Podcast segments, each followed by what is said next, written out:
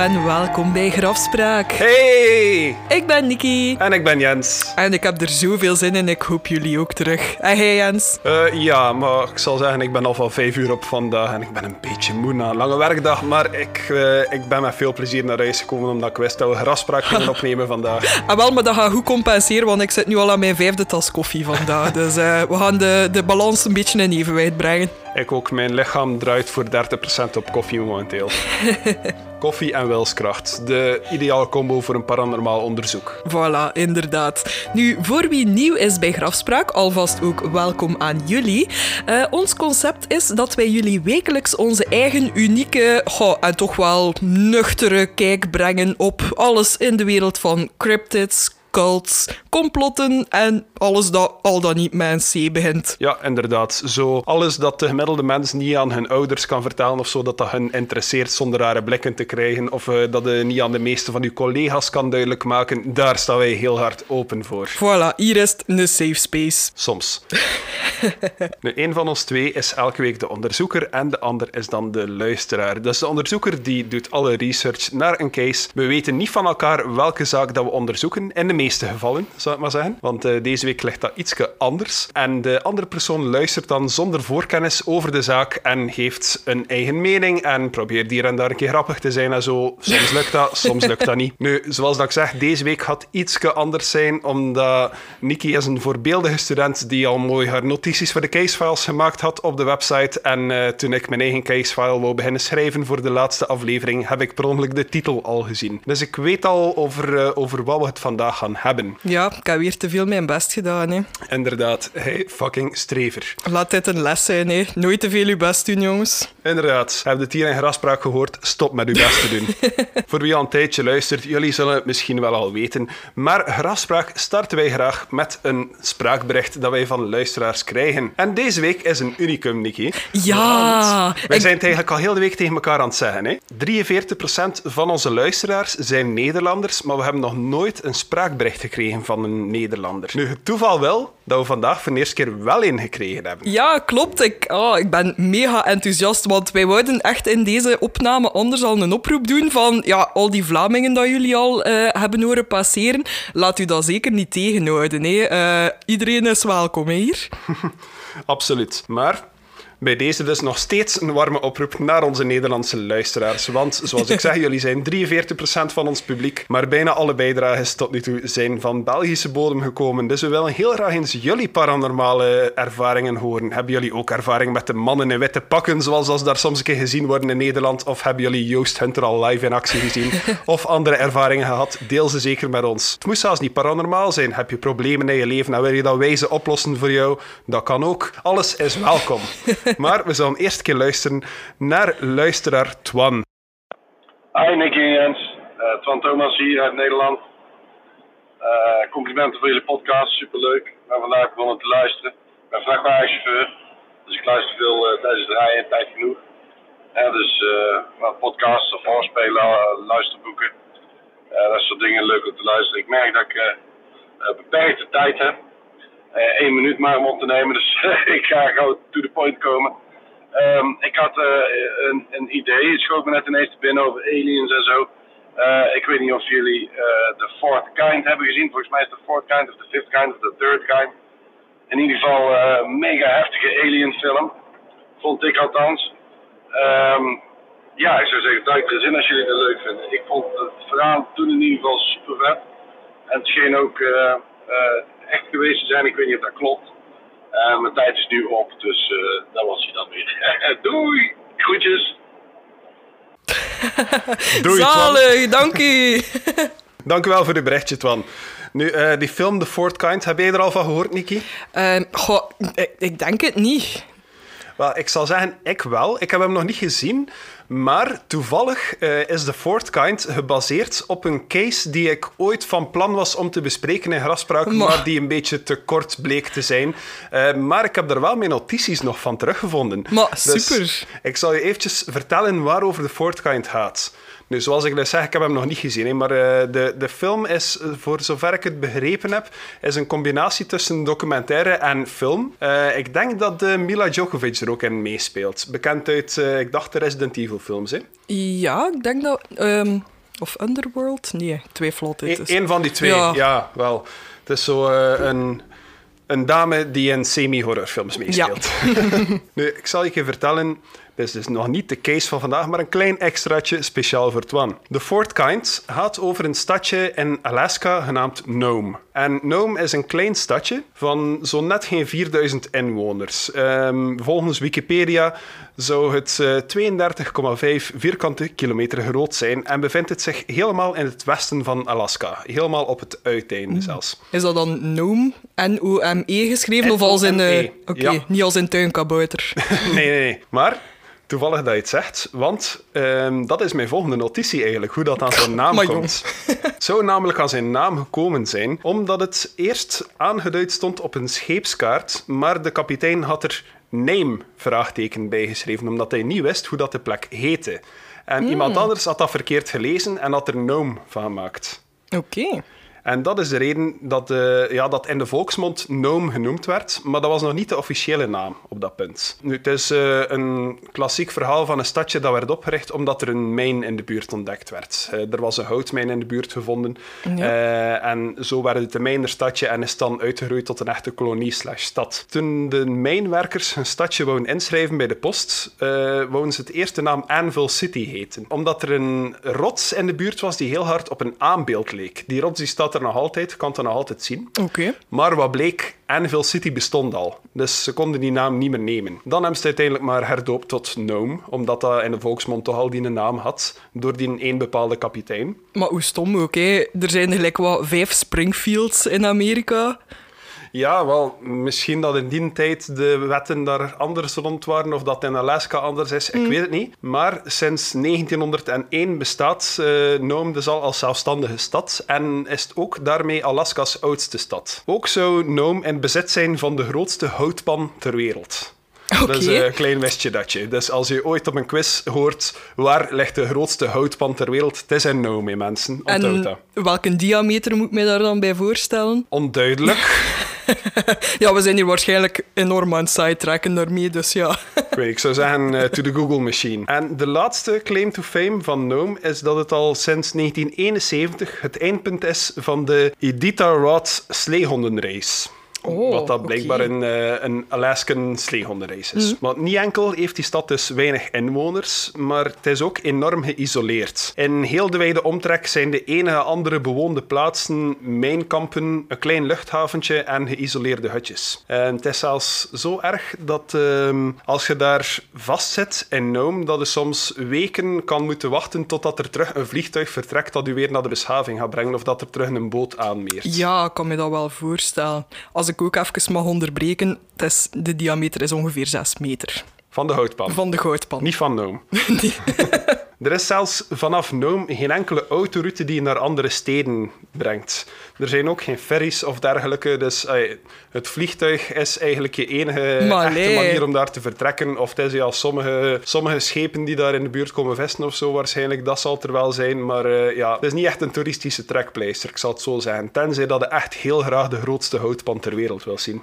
nee, dat is daar ook super koud, waarschijnlijk gelijk 80% van het jaar. Nee. Maar wat wel noemenswaardig is, is dat Nome dus blijkbaar een hotspot is voor UFO-activiteit. Mm Dat kon je misschien al een beetje raden met het verhaal dat Twan ons net vertelde. Maar dus zoals ik zeg, ja, het is geen toeristische hotspot. Door de isolatie en de koude winters zijn er eigenlijk al genoeg redenen om mensen daar weg te houden. En uh, de stad zou daardoor al snel in de vergetenheid raken, waar het niet dat er tussen 1960 en 2004 een reeks van 24 mysterieuze verdwijningen plaatsvonden in en rond Nome. Oorspronkelijk dacht men aan een seriemoordenaar. Vrienden en familie van de verdwenen mensen waren constant op hun hoede, want wie van hun kleine gemeenschap zou mensen willen kwaad doen? Zoals ik zeg, er wonen 4000 mensen. Wie zou die moordenaar zijn die er al 24 van vermoord heeft in die jaren? Wat een antwoord nog moeilijker maakt, is dat er vanaf Nome meer dan 500 kilometer aan wegen vertrekken die naar allerlei mijnkampen en zo gaan. Allen eigenlijk de wijde open vlakte in.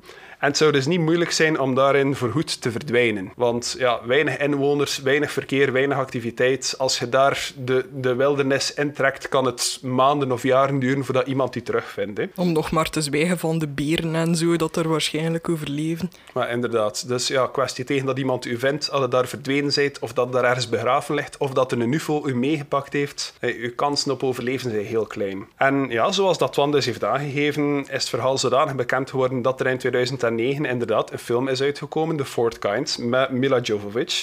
Ik heb het hier nog een keer neergeschreven, dus het is wel degelijk met haar. En de film was hoofdzakelijk gefocust op de UFO-theorie. Maar de FBI heeft Noam dan ook onderzocht om uit te zoeken wat dat er daar nu net gaande was. En het echte antwoord bleek een beetje onschuldiger te zijn dan UFO's of seriemoordenaars. Blijkbaar, als mensen daar heel lang geïsoleerd zitten in koude winters en geen kant uit kunnen, gaan ze al rap naar drank grijpen en met hun zatte botten durven ze al eh, graag een keer een wandelingsje te gaan doen en dan verloren te lopen. En de kou nog niet zo zeer voelen omdat ze straatzat zijn en uiteindelijk ergens dood teruggevonden worden, soms een hele tijd later. En bleek dat de oorzaak te zijn van toch het meeste van die verdwijningen. Dus dat is ook de reden dat mijn research daar een beetje gestopt is. Eén, omdat dat eigenlijk het merendeel van het verhaal is. En twee, omdat er eigenlijk al direct een oplossing was. Omdat er, uh, ja, het paranormaal vraagstuk was eigenlijk al een beetje opgelost. Maar dus, het komt van de FBI, dus laat ons oplossing maar tussen aanhalingstekens zetten. Ja, inderdaad. Nou ja, zelf was ik niet echt overtuigd van, uh, van de UFO's in Nome.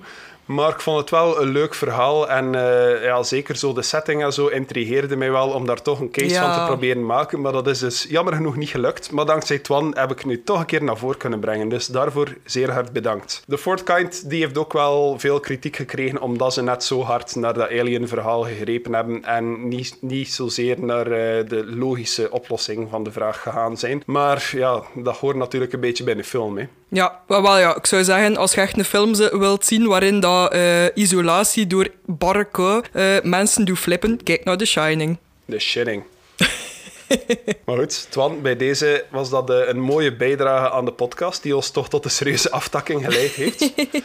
maar, zoals dat sommige mensen wel zullen weten, zijn er ook andere manieren om ons een bijdrage te doen. En één daarvan is op onze website, en die is Grafspraak.be op graspraak.be kan je ons dus trakteren op een kopje koffie. En ook deze week is dat gebeurd en daarvoor moeten we nog enkele mensen bedanken. Ja, en deze week zijn dat drie lieftallige dames geweest die ons op een paar kopjes koffie hebben getrakteerd. Dat zijn Suzanne, Daisy en Veerle. Dank u wel, Suzanne, Daisy en Veerle. Deze aflevering wordt speciaal aan jullie opgedragen. Yes. En het koffietje zal smaken na die werkdag.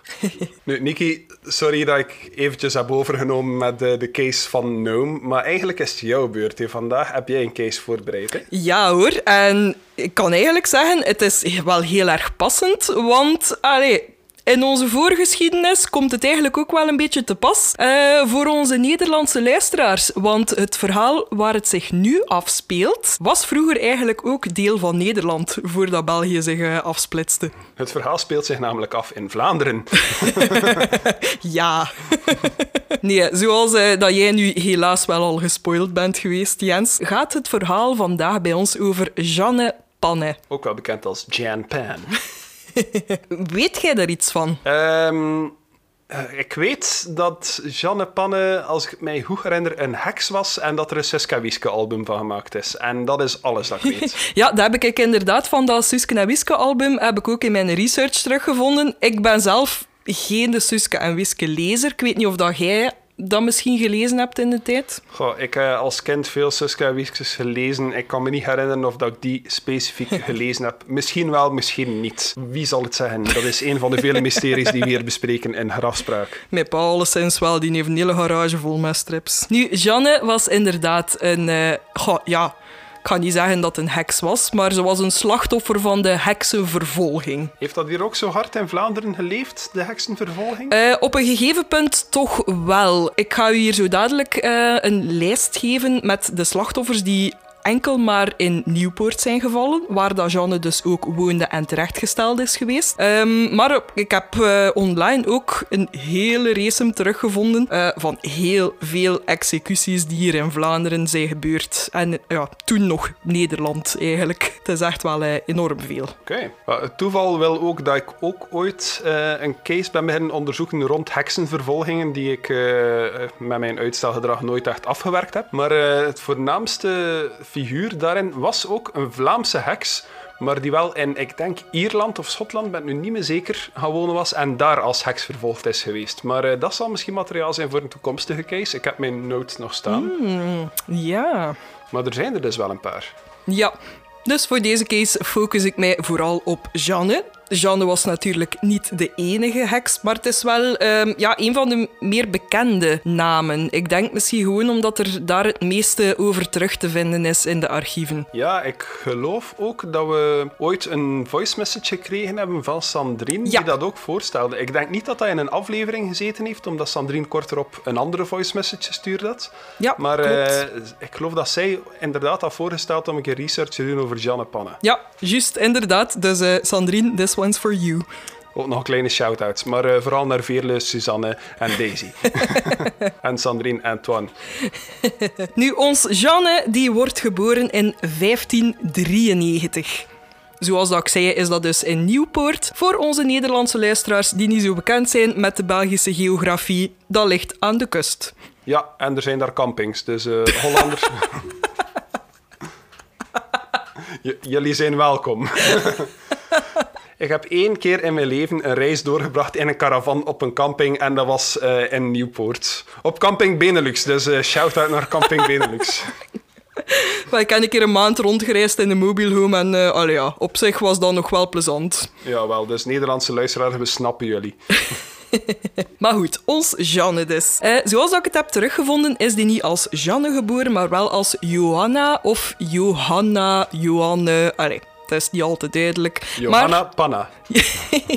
maar er is wel een gedenkplaat die nu in Nieuwpoort uh, hangt en daar wordt het als Johanne geschreven. Oké. Dus zoals ik zei, Nieuwpoort, daar speelt het zich voor deze case helemaal af. Zoals ik zei, was dat op dat punt ook nog deel van Nederland. Dat waren de zuidelijke Nederlanden. Nu, ik ga er geen geschiedenisles van maken vandaag, maar het is wel belangrijk om even te duiden dat op dat moment wel uh, een godsdienstoorlog aan het woeden was, dat het protestantisme enorm begon uh, ja, aan uh, bekendheid te winnen en dat dat toch wel ja, een, een deel van de achtergrond is voor de heksenvervolgingen. Nu, haar ouders die heten de Dijster en Katelijne Goosen. Dus Jeanne heet eigenlijk niet Jeanne Panne van geboorte, maar Jeanne de Dijster. Of Johanne de Dijster eigenlijk. Zij heet pas uh, Jeanne Panne nadat ze trouwt met Jan Panne. Dat klinkt als een oer-Vlaamse naam. Ja. nu, en op dat moment waren veel mensen echt wel in een benarde situatie. Uh, ze gingen echt ja, tot uitersten over, stelen van de velden en ja, soms zelfs het eten van honden, katten en, en soms zelfs ongedierte, als ik het zo lees. Doe je oren toe. en ja, ook heel veel ziekte. Wanneer dat er een herademing komt, wanneer dat die oorlogen eigenlijk lijken afgezwakt te zijn, dan is eigenlijk het punt dat de heksenvervolging echt op zijn hoogtepunt komt. Want het land lijkt wel te herademen, de rust lijkt terug te keren, maar de bevolking is nog enorm op zijn hoede en ziet eigenlijk in het minste een dreiging dat het terug fout kan gaan. Zoals dat ik zei, het protestantisme begint ook aan volgers te winnen. Dus er is eigenlijk nog altijd een clash tussen ja, de gewone rooms-katholieke godsdienst die er al was en nu een nieuwe vorm daarvan. Dat zorgt eigenlijk ook een beetje voor een tweestrijd tussen de bevolking, want de ene grote waarheid die er voordien was, die is er niet meer. Er is geen eenduidigheid meer. Mensen weten niet meer wat ze moeten geloven. Is, is God zelfs nog wel echt? Of allez, is de duivel nu echt wel aan kracht aan het winnen omdat hij voor verdeeldheid aan het zorgen is? Ja, wel, dus de scholen zijn dan ook verdeeld van uh, weer de catechese geven of gaan over naar zedenleer of ja, wat doen we? Voilà. En daarom begon het geloof ook echt te groeien dat, uh, ja, dat de duivel via bepaalde mensen zelfs ziekte en verderf kon zaaien. Nu, vanuit de kerk zelf um, werd er wel geprobeerd om dat dus te onderdrukken en te verklaren dat de duivel zelf geen kwaad kan berokkenen tenzij God dit zou willen en dat hij dit zou zien als een beproeving voor zijn volk. Tussen 1600 en 1611 zouden maar liefst 14 personen verdacht worden van hekserij en 11 daarvan zouden ook effectief op de brandstapel belanden. In Nieuwpoort. Oh, wauw. Ik, ik, wist niet dat er... Eh, tot een half uur geleden wist ik niet dat er echt heksenverbrandingen gebeurd waren in België zelfs. Ja, ja, want ik heb het nog opgezocht. Allee, um, die lijst dat ik zei van al de namen van ja. de, de heksvervolgingen en, en executies. Omdat ik zelf van Wetteren ben, wil ik wel een keer weten of dat er daar in de buurt ook heksen waren verbrand. En allee, de twee aanliggende dorpen, Laarne en Kalken, ja, daar is het ook gebeurd, hè, mensen. Toevallig hier in Oedelem is er een heks gestenigd geweest. Ja, juist. Je hebt me daar een keer over verteld. Ja, ik zal dat verhaaltje misschien voor na jouw case Mhm. Ja, zeker, zeker. Dan heb ik ook tijd om dat artikel nog een keer rap op te zoeken. En uh, ja, ook uh, in, in Brugge zelf waren er ook ongelooflijk veel. Allee, om even hier uh, dicht bij ons thuis te blijven, daar waren er echt tientallen namen dat uh, de revue passeerde. Nu, ik ga je een foto tonen van die gedenkplaat waar ik het over had, want hier staan al de namen op van uh, de, ja, de heksen die dus effectief op de brandstapel beland zijn. Dan ik kijken, ja, zo'n typische, heel minimalistische Belgische gedenkplaat. Nou, waarschijnlijk echt zo maar een paar tientallen centimeter groot. Ja, en uh, er staan, als ik, uh, als ik goed reken, staan er uh, 17 namen op. Zoals Tanneken de Potter, Maiken Toris of Joris, not sure. Neelken Koopman, Jan de Munk, Jan de Dijster. Verbaas mij ergens dat er zoveel mensen verbrand geweest zijn in België, maar ja. Ja, nu daaronder staat er ook zo. Wij buigen het hoofd en vragen vergiffenis namens het voltallige gemeentebestuur en de bevolking van Nieuwpoort. Beetje laat daarvoor, maar kom. Heb er trouwens op gelet dat een van de namen dat je nu net hebt opgenoemd al een keer gepasseerd is in mijn uitleg? Jan de Dijster. Ja. Dat is de vader van, uh, van Jeanne Panne. Ja, daar kom ik straks op terug. Nu, de allereerste naam die op die gedenkplaat staat, en dus de allereerste heks die in Nieuwpoort uh, geëxecuteerd is geweest, heet, en ik weet niet of dat ik het juist uitspreek, Paschinken Emmelink. Paschinken Emmeling. Ja, nu los daarvan. Die werd op 12 november 1602 als heks verbrand. Zelf geloofde zij helemaal niet in het bestaan van de heksen. En ik heb iets voor u, Jens. Ik heb twee quotes die van Paschinke zelf zouden komen. Zeg ik hier aan onze luisteraars wat dat zij zou verklaard hebben. Voor redenen dat er geen mensen boven God werk macht en heeft... En zij voegde hier aan toe: Ten zijn al geen toveressen die men toveressen heet. Hier voor tijden en heeft men zo niet gekoet. Is er nu iemand die een arm of of te een been gebroken heeft, het heet al toverie te wezen. Dus basically wil dat zeggen van het is niet omdat je zegt dat een heks is, dat het effectief een heks is. En gelijk wat dat er mis is, zal hier al op magie of uh, op hekserij beginnen steken. Ja, voilà. Inderdaad, dat heb je mooi afgeleid daaruit. Dank u wel. Toevallig, ik heb net dat artikel dat ik het over had teruggevonden. En daar ook staat er in de titel wat. Die zal ik u een keer laten voorlezen. Oei.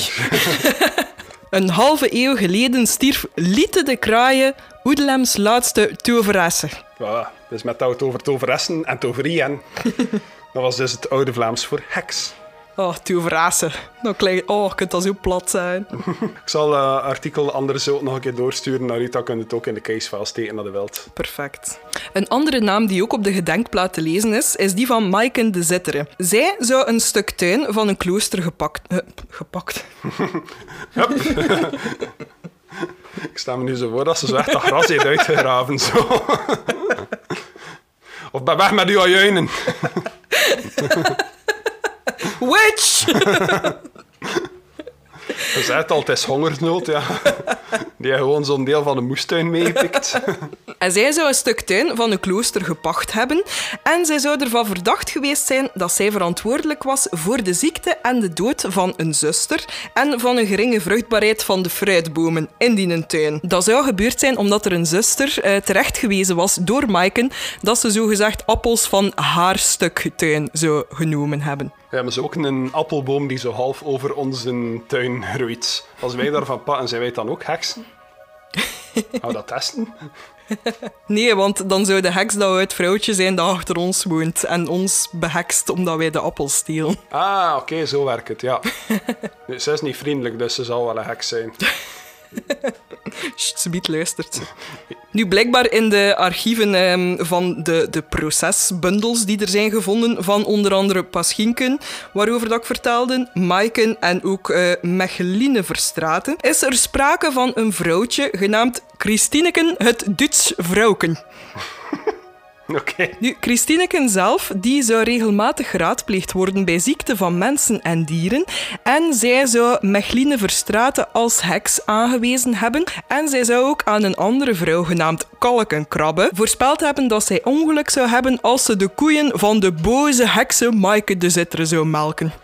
Dit klinkt echt meer en meer als plot van een Suska whisky Zijn zeker dat dit echte Belgische geschiedenis is en niet gewoon het verhaal van die een comic dat je aan het voorlezen bent? nu, ze had ook iets te vertellen over het gezin De Dijster. De Dijsters. De vrouwen en de kinderen en haar huisgezin zijn goed, maar de man en doogt niet. Dus de vrouw en de kinderen zijn goed, maar de man deugt niet. Daarnaast was er ook een andere vrouw genaamd Kort Paulinken. Weet dus. Voor mij is elk Paulinken een Kort Paulinken. Zij deed een weduwe een middel gebruiken om de verantwoordelijke voor de sterfte onder haar melkkoeien te ontmaskeren. Hiervoor moest ze melk van al haar koeien in een pot doen, er naalden, gewijd water en gewijd was bij doen en op het vuur zetten. Als de melk zou koken, zou de persoon die haar belaagde binnenkomen. Wie kwam er binnen? Jan de Dijster. Jan werd op de brandstapel verbrand in 1603. Stel je voor, je komt zo binnen van... Hé, hey, uh, maak ik soms een eitje of twee? Heks! Heks! Ja. Sorry voor de mensen met een koptelefoon. Arme Jan. Nu, al die namen tot nu toe klinken ook als uh, zo namen uit de bende van Jan de Lichte of zo. ja, is dat niet zo ongeveer wat in dezelfde tijd als zich dat afspeelde? Nee, Nicky. Want de echte Jan de Lichte die is geboren in 1723. Die een chance gehad. Nu, in de serie zitten er wel zo zigeuners tussen en mensen die zo de toekomst wel voorspellen door de ingewanden van een beest uit te kappen en zo. Dus uh, er zat wel een beetje hekserij in, maar de mensen werden er niet voor verbrand. Ze werden gewoon afgemaakt door Franse soldaten. En door die ene uit het eiland.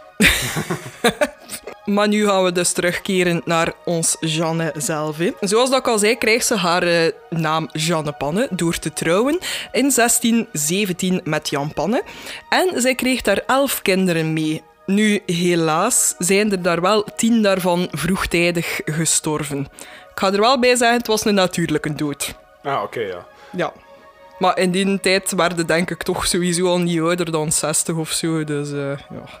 Ik denk dat 60 al. Uh... ja, wel, dat zijn al goed bezig, denk ik. Ik denk dat het al een vrij hoge leeftijd was dan. Iedereen ging dood voor zijn pensioen, dat was echt triestig. nu, ook Jan Panne zou voor haar sterven. En in 1648 uh, stond Jeanne blijkbaar ook op het punt om nog een keer te hertrouwen. Maar um, ze zou daarop teruggekomen zijn toen dat ze de geest van haar overleden man... Um, terug zou gezien hebben. En die zou gezegd hebben tegen haar dat hij haar stom zou maken wanneer dat ze terug zou hertrouwen. Dus dat ze niet meer zou kunnen praten. Nu, laat ons wel zeggen, Jeanne op zich, van wat ik erover heb gelezen, was dat toch wel een behoorlijk pintere vrouw. Hè? Uh, ze zou geletterd geweest zijn. Ze zou ook um, ja, heel goed geweest zijn in, in handel te drijven. Ze wist over wat dat ze had. Zelfs zodanig goed dat ze blijkbaar uh, aan belastingsontduiking zou gedaan hebben ook. Maar ik stel me voor dat belastingsontduiking in die tijd nog een beetje simpeler was. Hè? Ja. Allee, als ik kijk naar de website van Tax on Web, stel ik me voor dat dat er in, uh, in ik denk dat we nu in de vroege jaren 1600 ongeveer zitten. Ja. Wel, dat die website al van toen dateert. Dus eh, misschien was het toch nog niet zo simpel, maar eh, ik weet niet. Wat, wat moest het dan geven? Zo vijf florijnen of zo? wat, wat, was de munteenheid in, uh, in Vlaanderen in die tijd? Geen flauw idee, maar je moest op zijn minst wel al kunnen schrijven, denk ik. Dus allee. Nu ja, belastingsontduiking op zich gaat u natuurlijk geen heks maken, veronderstel ik. Dus er waren wel meer dingen. Er was vooral veel geroddel. Um, zo werd er uh, ja, gezegd van haar dat ze voorspellingen zou gedaan hebben over ja, wie dat er bijvoorbeeld wedstrijden kleiduifschieten zou winnen. En dat zou dan ook uitgekomen zijn. Ook van bepaalde plekken waar dat er een geheime ja, geldsom begraven of verstopt was, zou blijkbaar ook geklopt hebben achteraf. Ja, ze was een belastingsontduiker. Natuurlijk wist ze wat dat geld begraven was. En van dat kleiduifschieten, ja, voor hetzelfde staat, zei ze gewoon de kleiduif gaat verliezen. Dat zit er altijd op, hè. Ik zie hier nog geen magie, Nikki.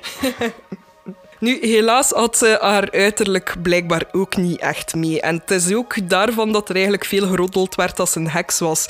Was ze zo tamelijk wat geboortevlekken gehad hebben op haar gezicht en ook op haar dij. Um, en, en ook ja, heel veel ettergezwellen. Dus ze zou echt wel in de volksmond enorm lelijk genoemd zijn geweest. Arme. Ja, nu, daar kwam er natuurlijk ook bij dat velen haar ook als agressief bestempelden. Maar ja, de mensen die haar zo noemden waren ook wel degene die haar vader van heks beschuldigden. Dus allee, ik snap het ergens wel. Maar ja, ik zou ook niet content zijn van in dorp te moeten wonen waar dat mensen mij lelijk noemen en mijn pa vermoord hebben. Ja, allee, ja. ja, allee, ja. ik zou mijn geld begraven. Nu, de genadeslag, om het zo te zeggen, zou wel komen wanneer dat Jeanne verantwoordelijk gesteld wordt voor de dood van twee mensen. Oei. Ja, zij wordt beschuldigd door Jan Jacobs en door de moeder van Rijkewaard Schroo. Want zowel Rijkewaard als de dochter van Jan Jacobs, die zouden kort na een bezoek van Janne overleden zijn. Nu, kleine kanttekening, blijkbaar waren die wel beiden al ziek. Maar ja, met een reputatie die Janne op dat punt al had. Ja. Speelde dat niet echt in haar voordeel, nee. Nee. En helaas werd Janne dan ook aangehouden op 10 mei 1650. Janne kreeg dan ook een proces, want op dat punt werd ze natuurlijk beschuldigd van hekserij. En op dat proces werd ze nog een keer extra beschuldigd. Um, er waren namelijk een paar mensen die Janne beschuldigden van het feit dat ze hen seksuele problemen zou uh, veroorzaakt hebben. Zo was Guillaume Loodvoet, die zou zes weken impotent geweest zijn nadat Jeanne langs zijn broek had gestreken met haar hand. Ja, oké, het was misschien een knappe dame, maar nu zijn ook een beetje aan het overdrijven, hè, Guillaume. Dat hij... Sorry, maar als ze er zelf mee zit te spelen wanneer dat uw vrouw niet kijkt, dan, dan opeens kun je niet meer, moet je dat niet op Jeanne steken. Ja, het is wel gemakkelijk hè, om alles op Jeanne te steken. Ah ja, ik kan ook niet gaan werken vandaag, want Jeanne heeft aan mijn arm gekomen. en wel, waarom heb je je huiswerk niet gemaakt? Jeanne heeft het opgegeten. Waarom strijkt hij niet? Ja, Jeanne is aan mijn kleren geweest. en wel, waarom zit hij nog op café? Jeanne mij een auto gestolen. Don't drink and drive. Het is 1650, hoe kom hij aan een auto? Heks! maar dus, als ik het goed begrijp, eh, was dat proces van Jeanne dan aan haar 57 jaar al. Uh, wacht, hè, laat mij een keer rekenen wanneer dat ze is geboren. 1593? Ja, ja, ja klopt. Ja, ze was uh, 57 op dat punt. Ja, dus voor die tijd was ze zij hoogbejaard. Dat was geen executie, dat was euthanasie. nu, los van onze Guillaume was er dan ook nog uh, Janneke van der Zijpen, die haar ook beschuldigde, want haar man zou ook tien weken buiten strijd geweest zijn nadat Jeanne hem ook aangeraakt zou hebben. Maar jongens, hey, sorry, maar Jeanne heeft elf kinders gemaakt. Zij, hey, op zijn minst weten we toch al dat, dat vent niet impotent worden van aan haar te komen. Hè? dus, hoe noemde die laatste vrouw? De laatste vrouw heette Janneke van der Zijpen. Als zij mijn vent ook impotent maakt, is hij mijn naam gestolen. Heks! Er kwam ook een onderzoeker aan te pas en uh, die zou de, de, geboortevlekken van Jeanne onderzoeken. Ze zou een um, plek gehad hebben juist onder haar wenkbrauw, waar dat hij met speldenprikken onderzocht en, en die bepaalde plek zou geen pijn gegeven hebben. En uh, die onderzoeker verklaarde daaruit dat dat een duivelsmerk was. Ah ja, oké. Okay. Jezus, uh, rare tijden. Allee ja, we leven in rare tijden, maar ja. zoals dat hoort mensen, er zijn nog raardere tijden geweest. Maar laat ons hopen tegen dat deze aflevering uitkomt dat er dan ook weer niet eens brandstapels teruggebracht zijn. Bij gelijk wat dat vandaag de dag gebeurt, is mijn enige reactie gewoon shocked but not surprised. Op 12 mei, dus twee dagen nadat haar proces begonnen is, wordt Jeanne naar de folterkamer gebracht. Ehm, Ja. ja, helaas. Ze zou daar een dag lang gefolterd worden. Ehm, het enige dat ik heb gelezen is dat er aan een halsband werd aangedaan. Voor de rest weet ik niet welke concrete folteringen dat zij heeft ondergaan. Maar ik kan mij voorstellen dat het niet mals gaat geweest zijn, want de volgende dag gaf ze toe dat ze de duivel had ontmoet. En ik ga je ook nog een keer een eh, quote van Jeanne zelf laten voorlezen. Dikmaals haar borsthins had getast en hij stonk van vermuftheid en zijn lidmaten en de zijne naturen waren zo koud als ijs. Dus... De eerste zin begrijp ik echt niet. Dus hij heeft dikmaals, meermaals haar borsten Ah, betast. heeft, heeft dikmaals haar borsten betast en hij stonk naar vermuftheid en zijn ledematen en zijn natuur waren zo koud als ijs. En met zijn natuur veronderstel ik dat ze zijn piemeltje bedoelt. Waarschijnlijk, hè. Ring, ring. Ah, oké, het gaat over de duivel zijn piemel. Oké. Ja, ik dacht over dikmaals zijn piemel. Ja, sorry met uw oud-Vlaams hier. Oh, het Nederlands. Doe verder. Nu, op 14 mei zou ze alles nog een keer opnieuw bevestigen.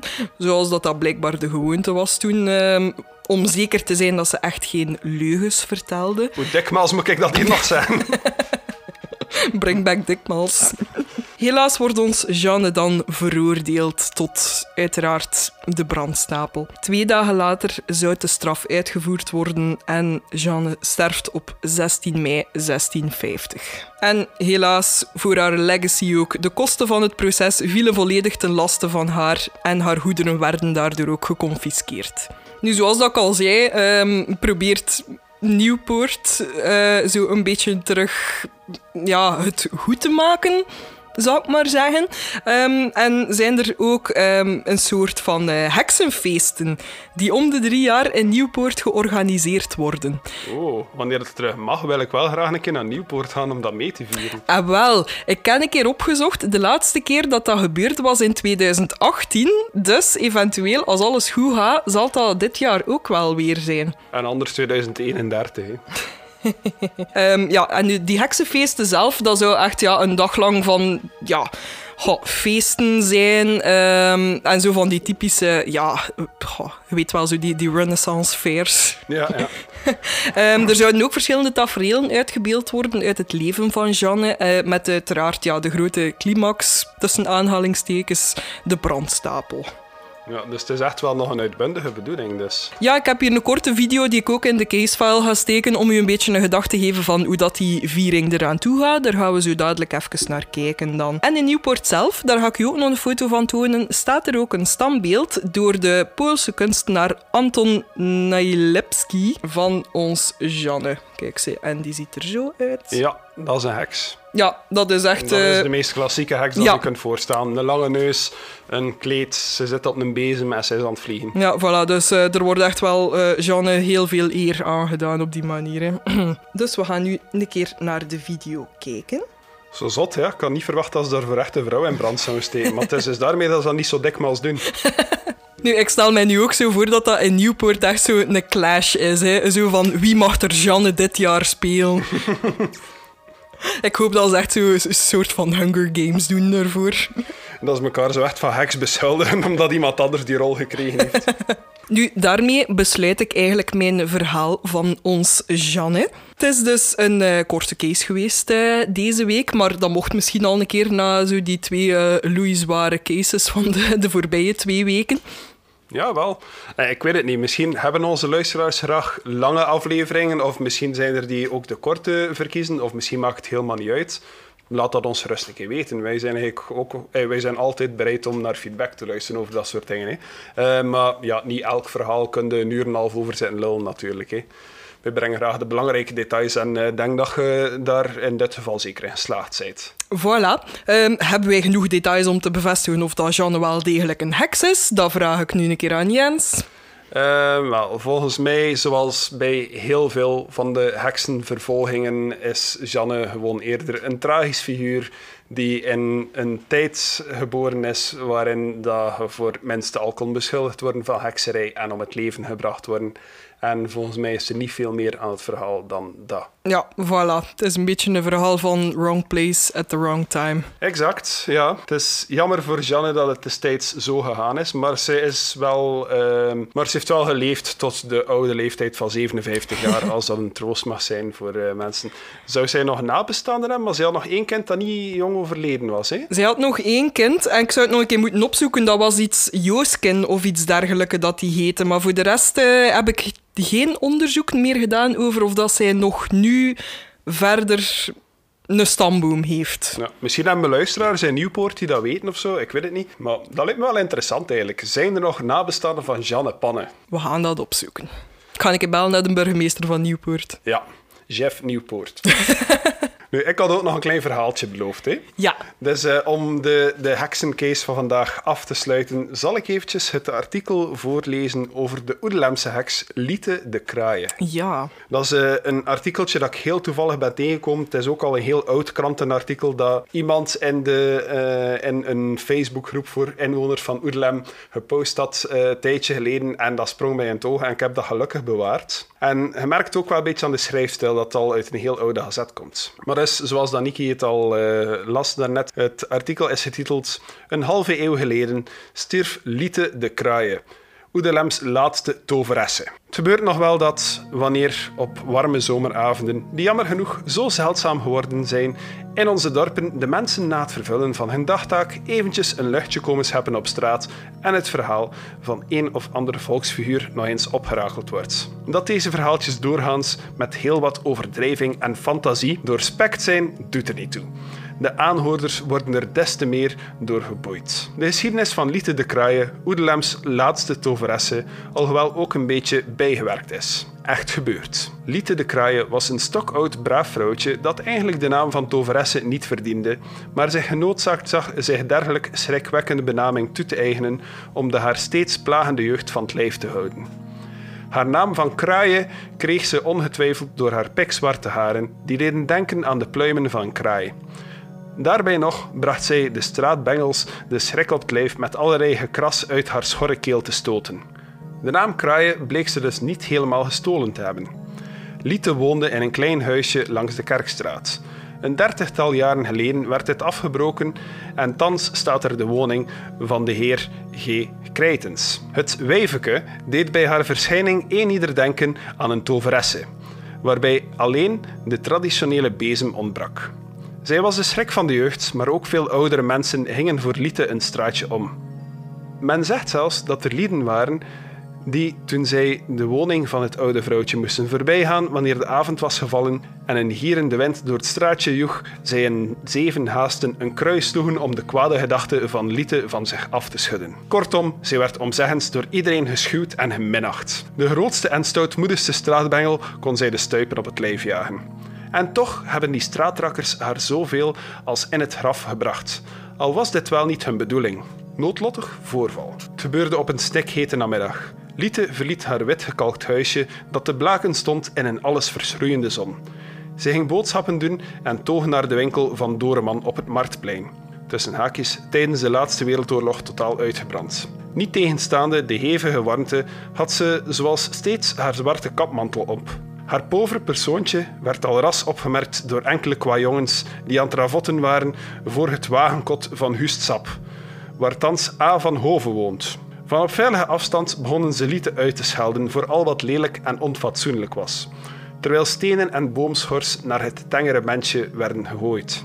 Het ongelukkige vrouwtje deed alles wat in haar macht lag om zo vlug mogelijk uit het geschutsveld van der bengels te geraken. Dit was dan ook te veel gevraagd van haar oude versleten benen, met het gevolg dat ze aan de stoep van de voormelde winkel als een kaartenhuisje zonder enig verweer ineenstuikte. Een ooggetuige verwittigde onmiddellijk harde kraantje, terwijl de straatrakkers de benen namen. Bij zijn aankomst stelde de harde vast dat Liete buiten kennis lag en het dringend hulp moest worden geboden door eender wie. Hij klopte bij het eerste gereedste huisje aan, doch kreeg geen gehoor. Nu Liete geveld lag, bleek men nog steeds vrees te koesteren voor haar duivelse machten. De redder van de situatie was Camille of de Bruinen de Kloet, die vaar nog vrees kende. Met weinig krachtinspanning legde hij het vrouwtje op zijn kruiwagen en met de harde op kop vertrok het droeve geval naar het straatje. Achterna gestaard van op afstand door tal van nieuwsgierigen. Het werd een harde klap voor. Klap die ze nooit meer te boven is gekomen. Wanneer dit nodig was, vond ze nog wel de nodige kracht om haar gekrijs te laten horen, doch van op straat komen was geen sprake meer. Vrees bleef bestaan. De vrees voor Liete was echter groter dan ooit voordien, want ze zou beslist weer wraak nemen op haar belagers. Doch niets gebeurde. Op een koele morgen bleven haar vensterluiken gesloten en bleef het in haar huis akelig stil. Het ergste vrezend werd andermaal een beroep gedaan op de harde, die zich toegang verschafte tot de woning van Liete, die levensloos in haar stoel werd aangetroffen. Haar mond stond helemaal vertrokken, alsof ze nog een laatste maal haar gekrijs had willen laten horen. Liete de Kraaien was dood en met haar Oedelems laatste toveresse, dit tot grote opluchting van de dorpelingen. Alhoewel het vrouwtje wel nooit kwade bedoelingen zal hebben gehad. Drie dagen later werd haar stoffelijk overschot ten grave gedragen. Veel belangstelling was er niet. Alleen Harde Kraantje en Camille de Kloet volgden de lijkbaar. En al is Liete thans reeds meer dan een halve eeuw overleden, vergeten is ze nog niet. Jaren na haar dood meenden sommigen op het kerkhof nu en dan een licht schijnsel te hebben gezien. Voor menig inwoner was dit de geest van Liete die wraak kwam nemen. Later bleek echter dat deugnieten van straatrakkers dit spookspelen op hun kerststok hadden, tot grote luim van degenen die nooit in Lietes duivelse machten hadden geloofd, maar tot scha en schande van degenen die haar wraak vreesden. Och, arme.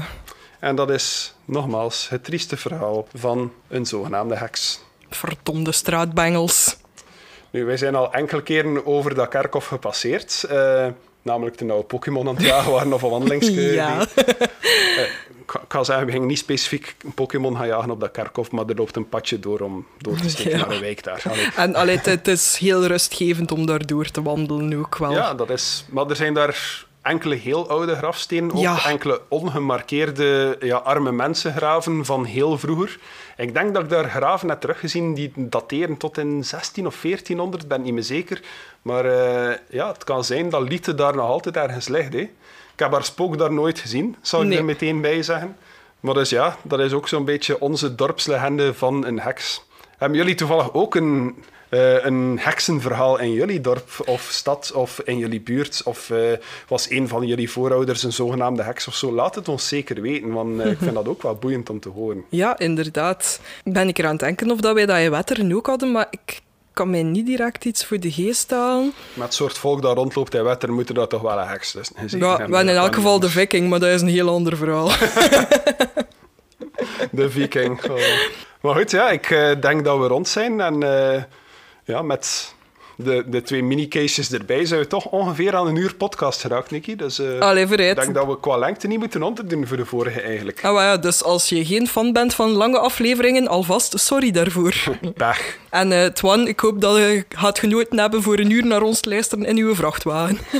ik heb al van een paar mensen gehoord die beroepschauffeurs zijn die naar ons luisteren. Ik geloof dat uh, Michael, die ook al enkele keren gereageerd heeft mhm. op posts en zo, en ook ooit een koffietje gedoneerd heeft, ik geloof dat die ook een treinbestuurder is en zo, die ook uh, regelmatig luistert naar ons. Dus wie weet doet hij dat ook vanuit zijn wagon. ja, wel, wie weet, inderdaad. Wij zullen het niet vertalen aan, uh, aan NMBS hoor, Michael, geen zorgen. maar het blijft ook wel leuk om van de luisteraars te horen hè, hoe dat ze luisteren en ook welk effect dat de afleveringen uh, nog hebben op hen. Hè. Van de slaapparalyse blijven wij ook nog steeds berichten binnenkrijgen van mensen die, die ja, dat zelf ervaren of die hun tips delen. allee, ja, dat blijft echt wel leven. Hè. We hebben in de afgelopen week weer een berichtje had van iemand uh, die daar dingen in herkende en die zelf ook zei dat ze de Hetman gezien had. Ja, inderdaad. Uh, dat was uh, Carlien. En zij heeft ook zelf nog wat tips gedeeld. Ja, ik herinner mij dat zij inderdaad tips deelde, dat er daar onder andere ook mindfulness bij zat, dacht ik. Ja, dat klopt. En um, zij gebruikte ook het tikken van de klok als haar manier eigenlijk om door te hebben wanneer dat zij in de realiteit zat, zeg maar. Dat dat zo haar vast was om terug te keren. Ja, ik heb dat wel van nog mensen gehoord. Dat ze in hun droom bijvoorbeeld naar een uurwerk kijken en als ze zien dat de tijd stilstaat, weten ze dat ze aan het dromen zijn. Nu, ik moet wel zeggen, als ik droom, heb ik eigenlijk totaal geen realiteitsbesef en maak ik ook heel onlogische sprongen. Kan ik bijvoorbeeld een gesprek hebben met iemand van, ah ja, ik moest straks dat doen en dat dat zo als een film uh, in mijn hoofd had, dat ik plots in de volgende scène zit waar dat ik dat aan het doen ben, terwijl dat dan misschien kilometers of uren uit elkaar ligt. Oh, dat doet mij wel denken aan deze week, toen dat ik echt zo een behoorlijk realistische nachtmerrie had. Wat ik weet nog dat ik lag te slapen en ofwel was dat in mijn droom... Allee, dat moet wel in mijn droom geweest zijn, tenzij dat jij plots in je slaap bent beginnen praten. Maar uw hoofd lag dus echt op een paar millimeter van mijn oor. En in één keer zei hij van, er zit iemand binnen. En ik weet nog dat ik echt ben... Oh, ik weet niet of dat ik... Ik ga half wakker geweest zijn, half slapend, maar ik ben echt gelijk bijna in een katatonische state geraakt, dat ik gewoon niet meer kon bewegen. En ik ben echt beginnen zweten van angst. Ja, nee, dat was gewoon... Ja, er zat iemand binnen en ik dat hij het oploste, zodat ik kon verder slapen, Nicky. Ik ook gewoon blijven liggen en nu is mijn Playstation weg. oh nee, maar ik was zo bang. Maar wel maar voor een paar seconden, want ik kan me herinneren dat ik toen wel direct in slaap ben gesukkeld weer. Trouwens, potentiële inbrekers, het is een PS4. Ik heb geen PS5 of zo, dus het is echt stil niet meer waard. ja, hij marcheert ook niet altijd zo goed meer. Hè. Denk je dat ik dat zomaar laat zijn? Hacks! maar goed, het was een leuke case, Nicky. Ik denk dat we hem hier ook kunnen besluiten, hè, voordat we nog een half uur aftakkingen zitten te maken over onze dromen. Ja. Wie genoten heeft van grafspraak en meer wil te weten komen over de heksenvervolgingen van Nieuwpoort en Jannepanne en bijzonder, raden we aan om naar grafspraak.be te gaan en daar de casefile te lezen. Net zoals Twan gedaan heeft, kan je daar ook een spraakberichtje insturen. Nu, we hebben wel al van verschillende mensen gehoord uh, dat een minuut dikwijls te kort is om hun verhaal te vertellen. En als je echt een langer verhaal wil vertellen, dat kan, maar dan moet je het wel zelf opnemen en naar ons doormailen. Maar uh, als je dat van plan bent, geef ons eerst keer een seintje, want allee, wij downloaden ook niet elk random bestand dat ons wordt doorgemaild. Dus als je van plan bent om, uh, om een langer bericht in te sturen, neem dat gerust zelf op en stuur dat door naar ons via WeTransfer of via de mail of zo. En contacteer ons dan eerst een keer. Nu, hoe neem je contact op met ons? Dat kan op verschillende manieren. Je kan ons een mailtje sturen naar grafspraak.gmail.com, maar we zijn ook op alle sociale media te bereiken natuurlijk. We zijn op Twitter, Instagram en Facebook onder Grafspraak. En op Facebook zijn we dan ook nog een keer in de groep Grafspraak Community te vinden. Nu, als je liever dat gewoon via de website doet, daar staat ook wel een contactformulier waar je ook zo contact met ons kunt opnemen, uiteraard. Ja, dat klopt allemaal. En via onze website grafspraak.be kun je naast een voice message ook nog altijd een koffietje doneren. Zoals Suzanne, Daisy en Veerle gedaan hebben deze week. En dan krijg je in ruil ook een shout-out in de aflevering. En tenslotte is er daar ook nog een webshop te vinden waar je Grafspraak merchandise kan kopen. Dat is onder andere t-shirts, koffiemokken, totebags en stickers. En voordat ik het vergeet, Jens, kun je hem misschien al een tipje geven over waar het volgende keer bij jou over gaat gaan? Uh, ik kan dat inderdaad al doen. Nu, we hebben uh, een tijdje geleden nog een berichtje gehad van onze goede vriend Dylan, die uh, een bepaald voorstel gedaan heeft. Ik zal nog niet te veel uitweiden uh, wat dat we exact gaan doen, maar ik zal wel zeggen dat we voor de eerste keer andere paranormale onderzoekers gaan onderzoeken.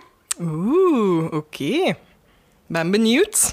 En als jullie ook benieuwd zijn en die volgende aflevering willen beluisteren, dan kan je dat via elk mogelijk podcastplatform doen.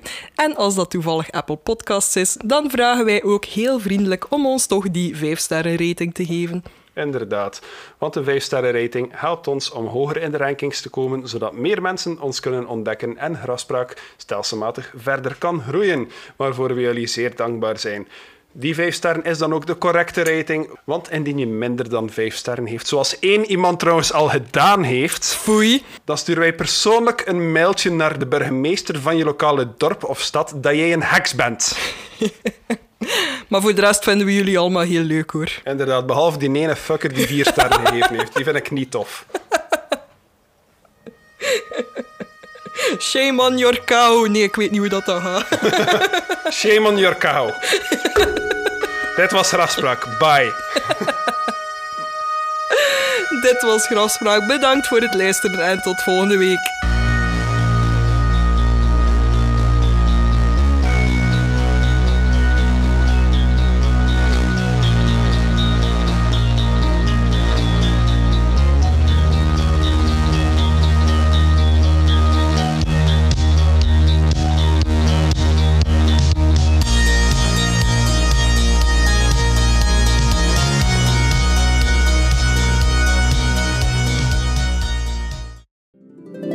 Spraak.be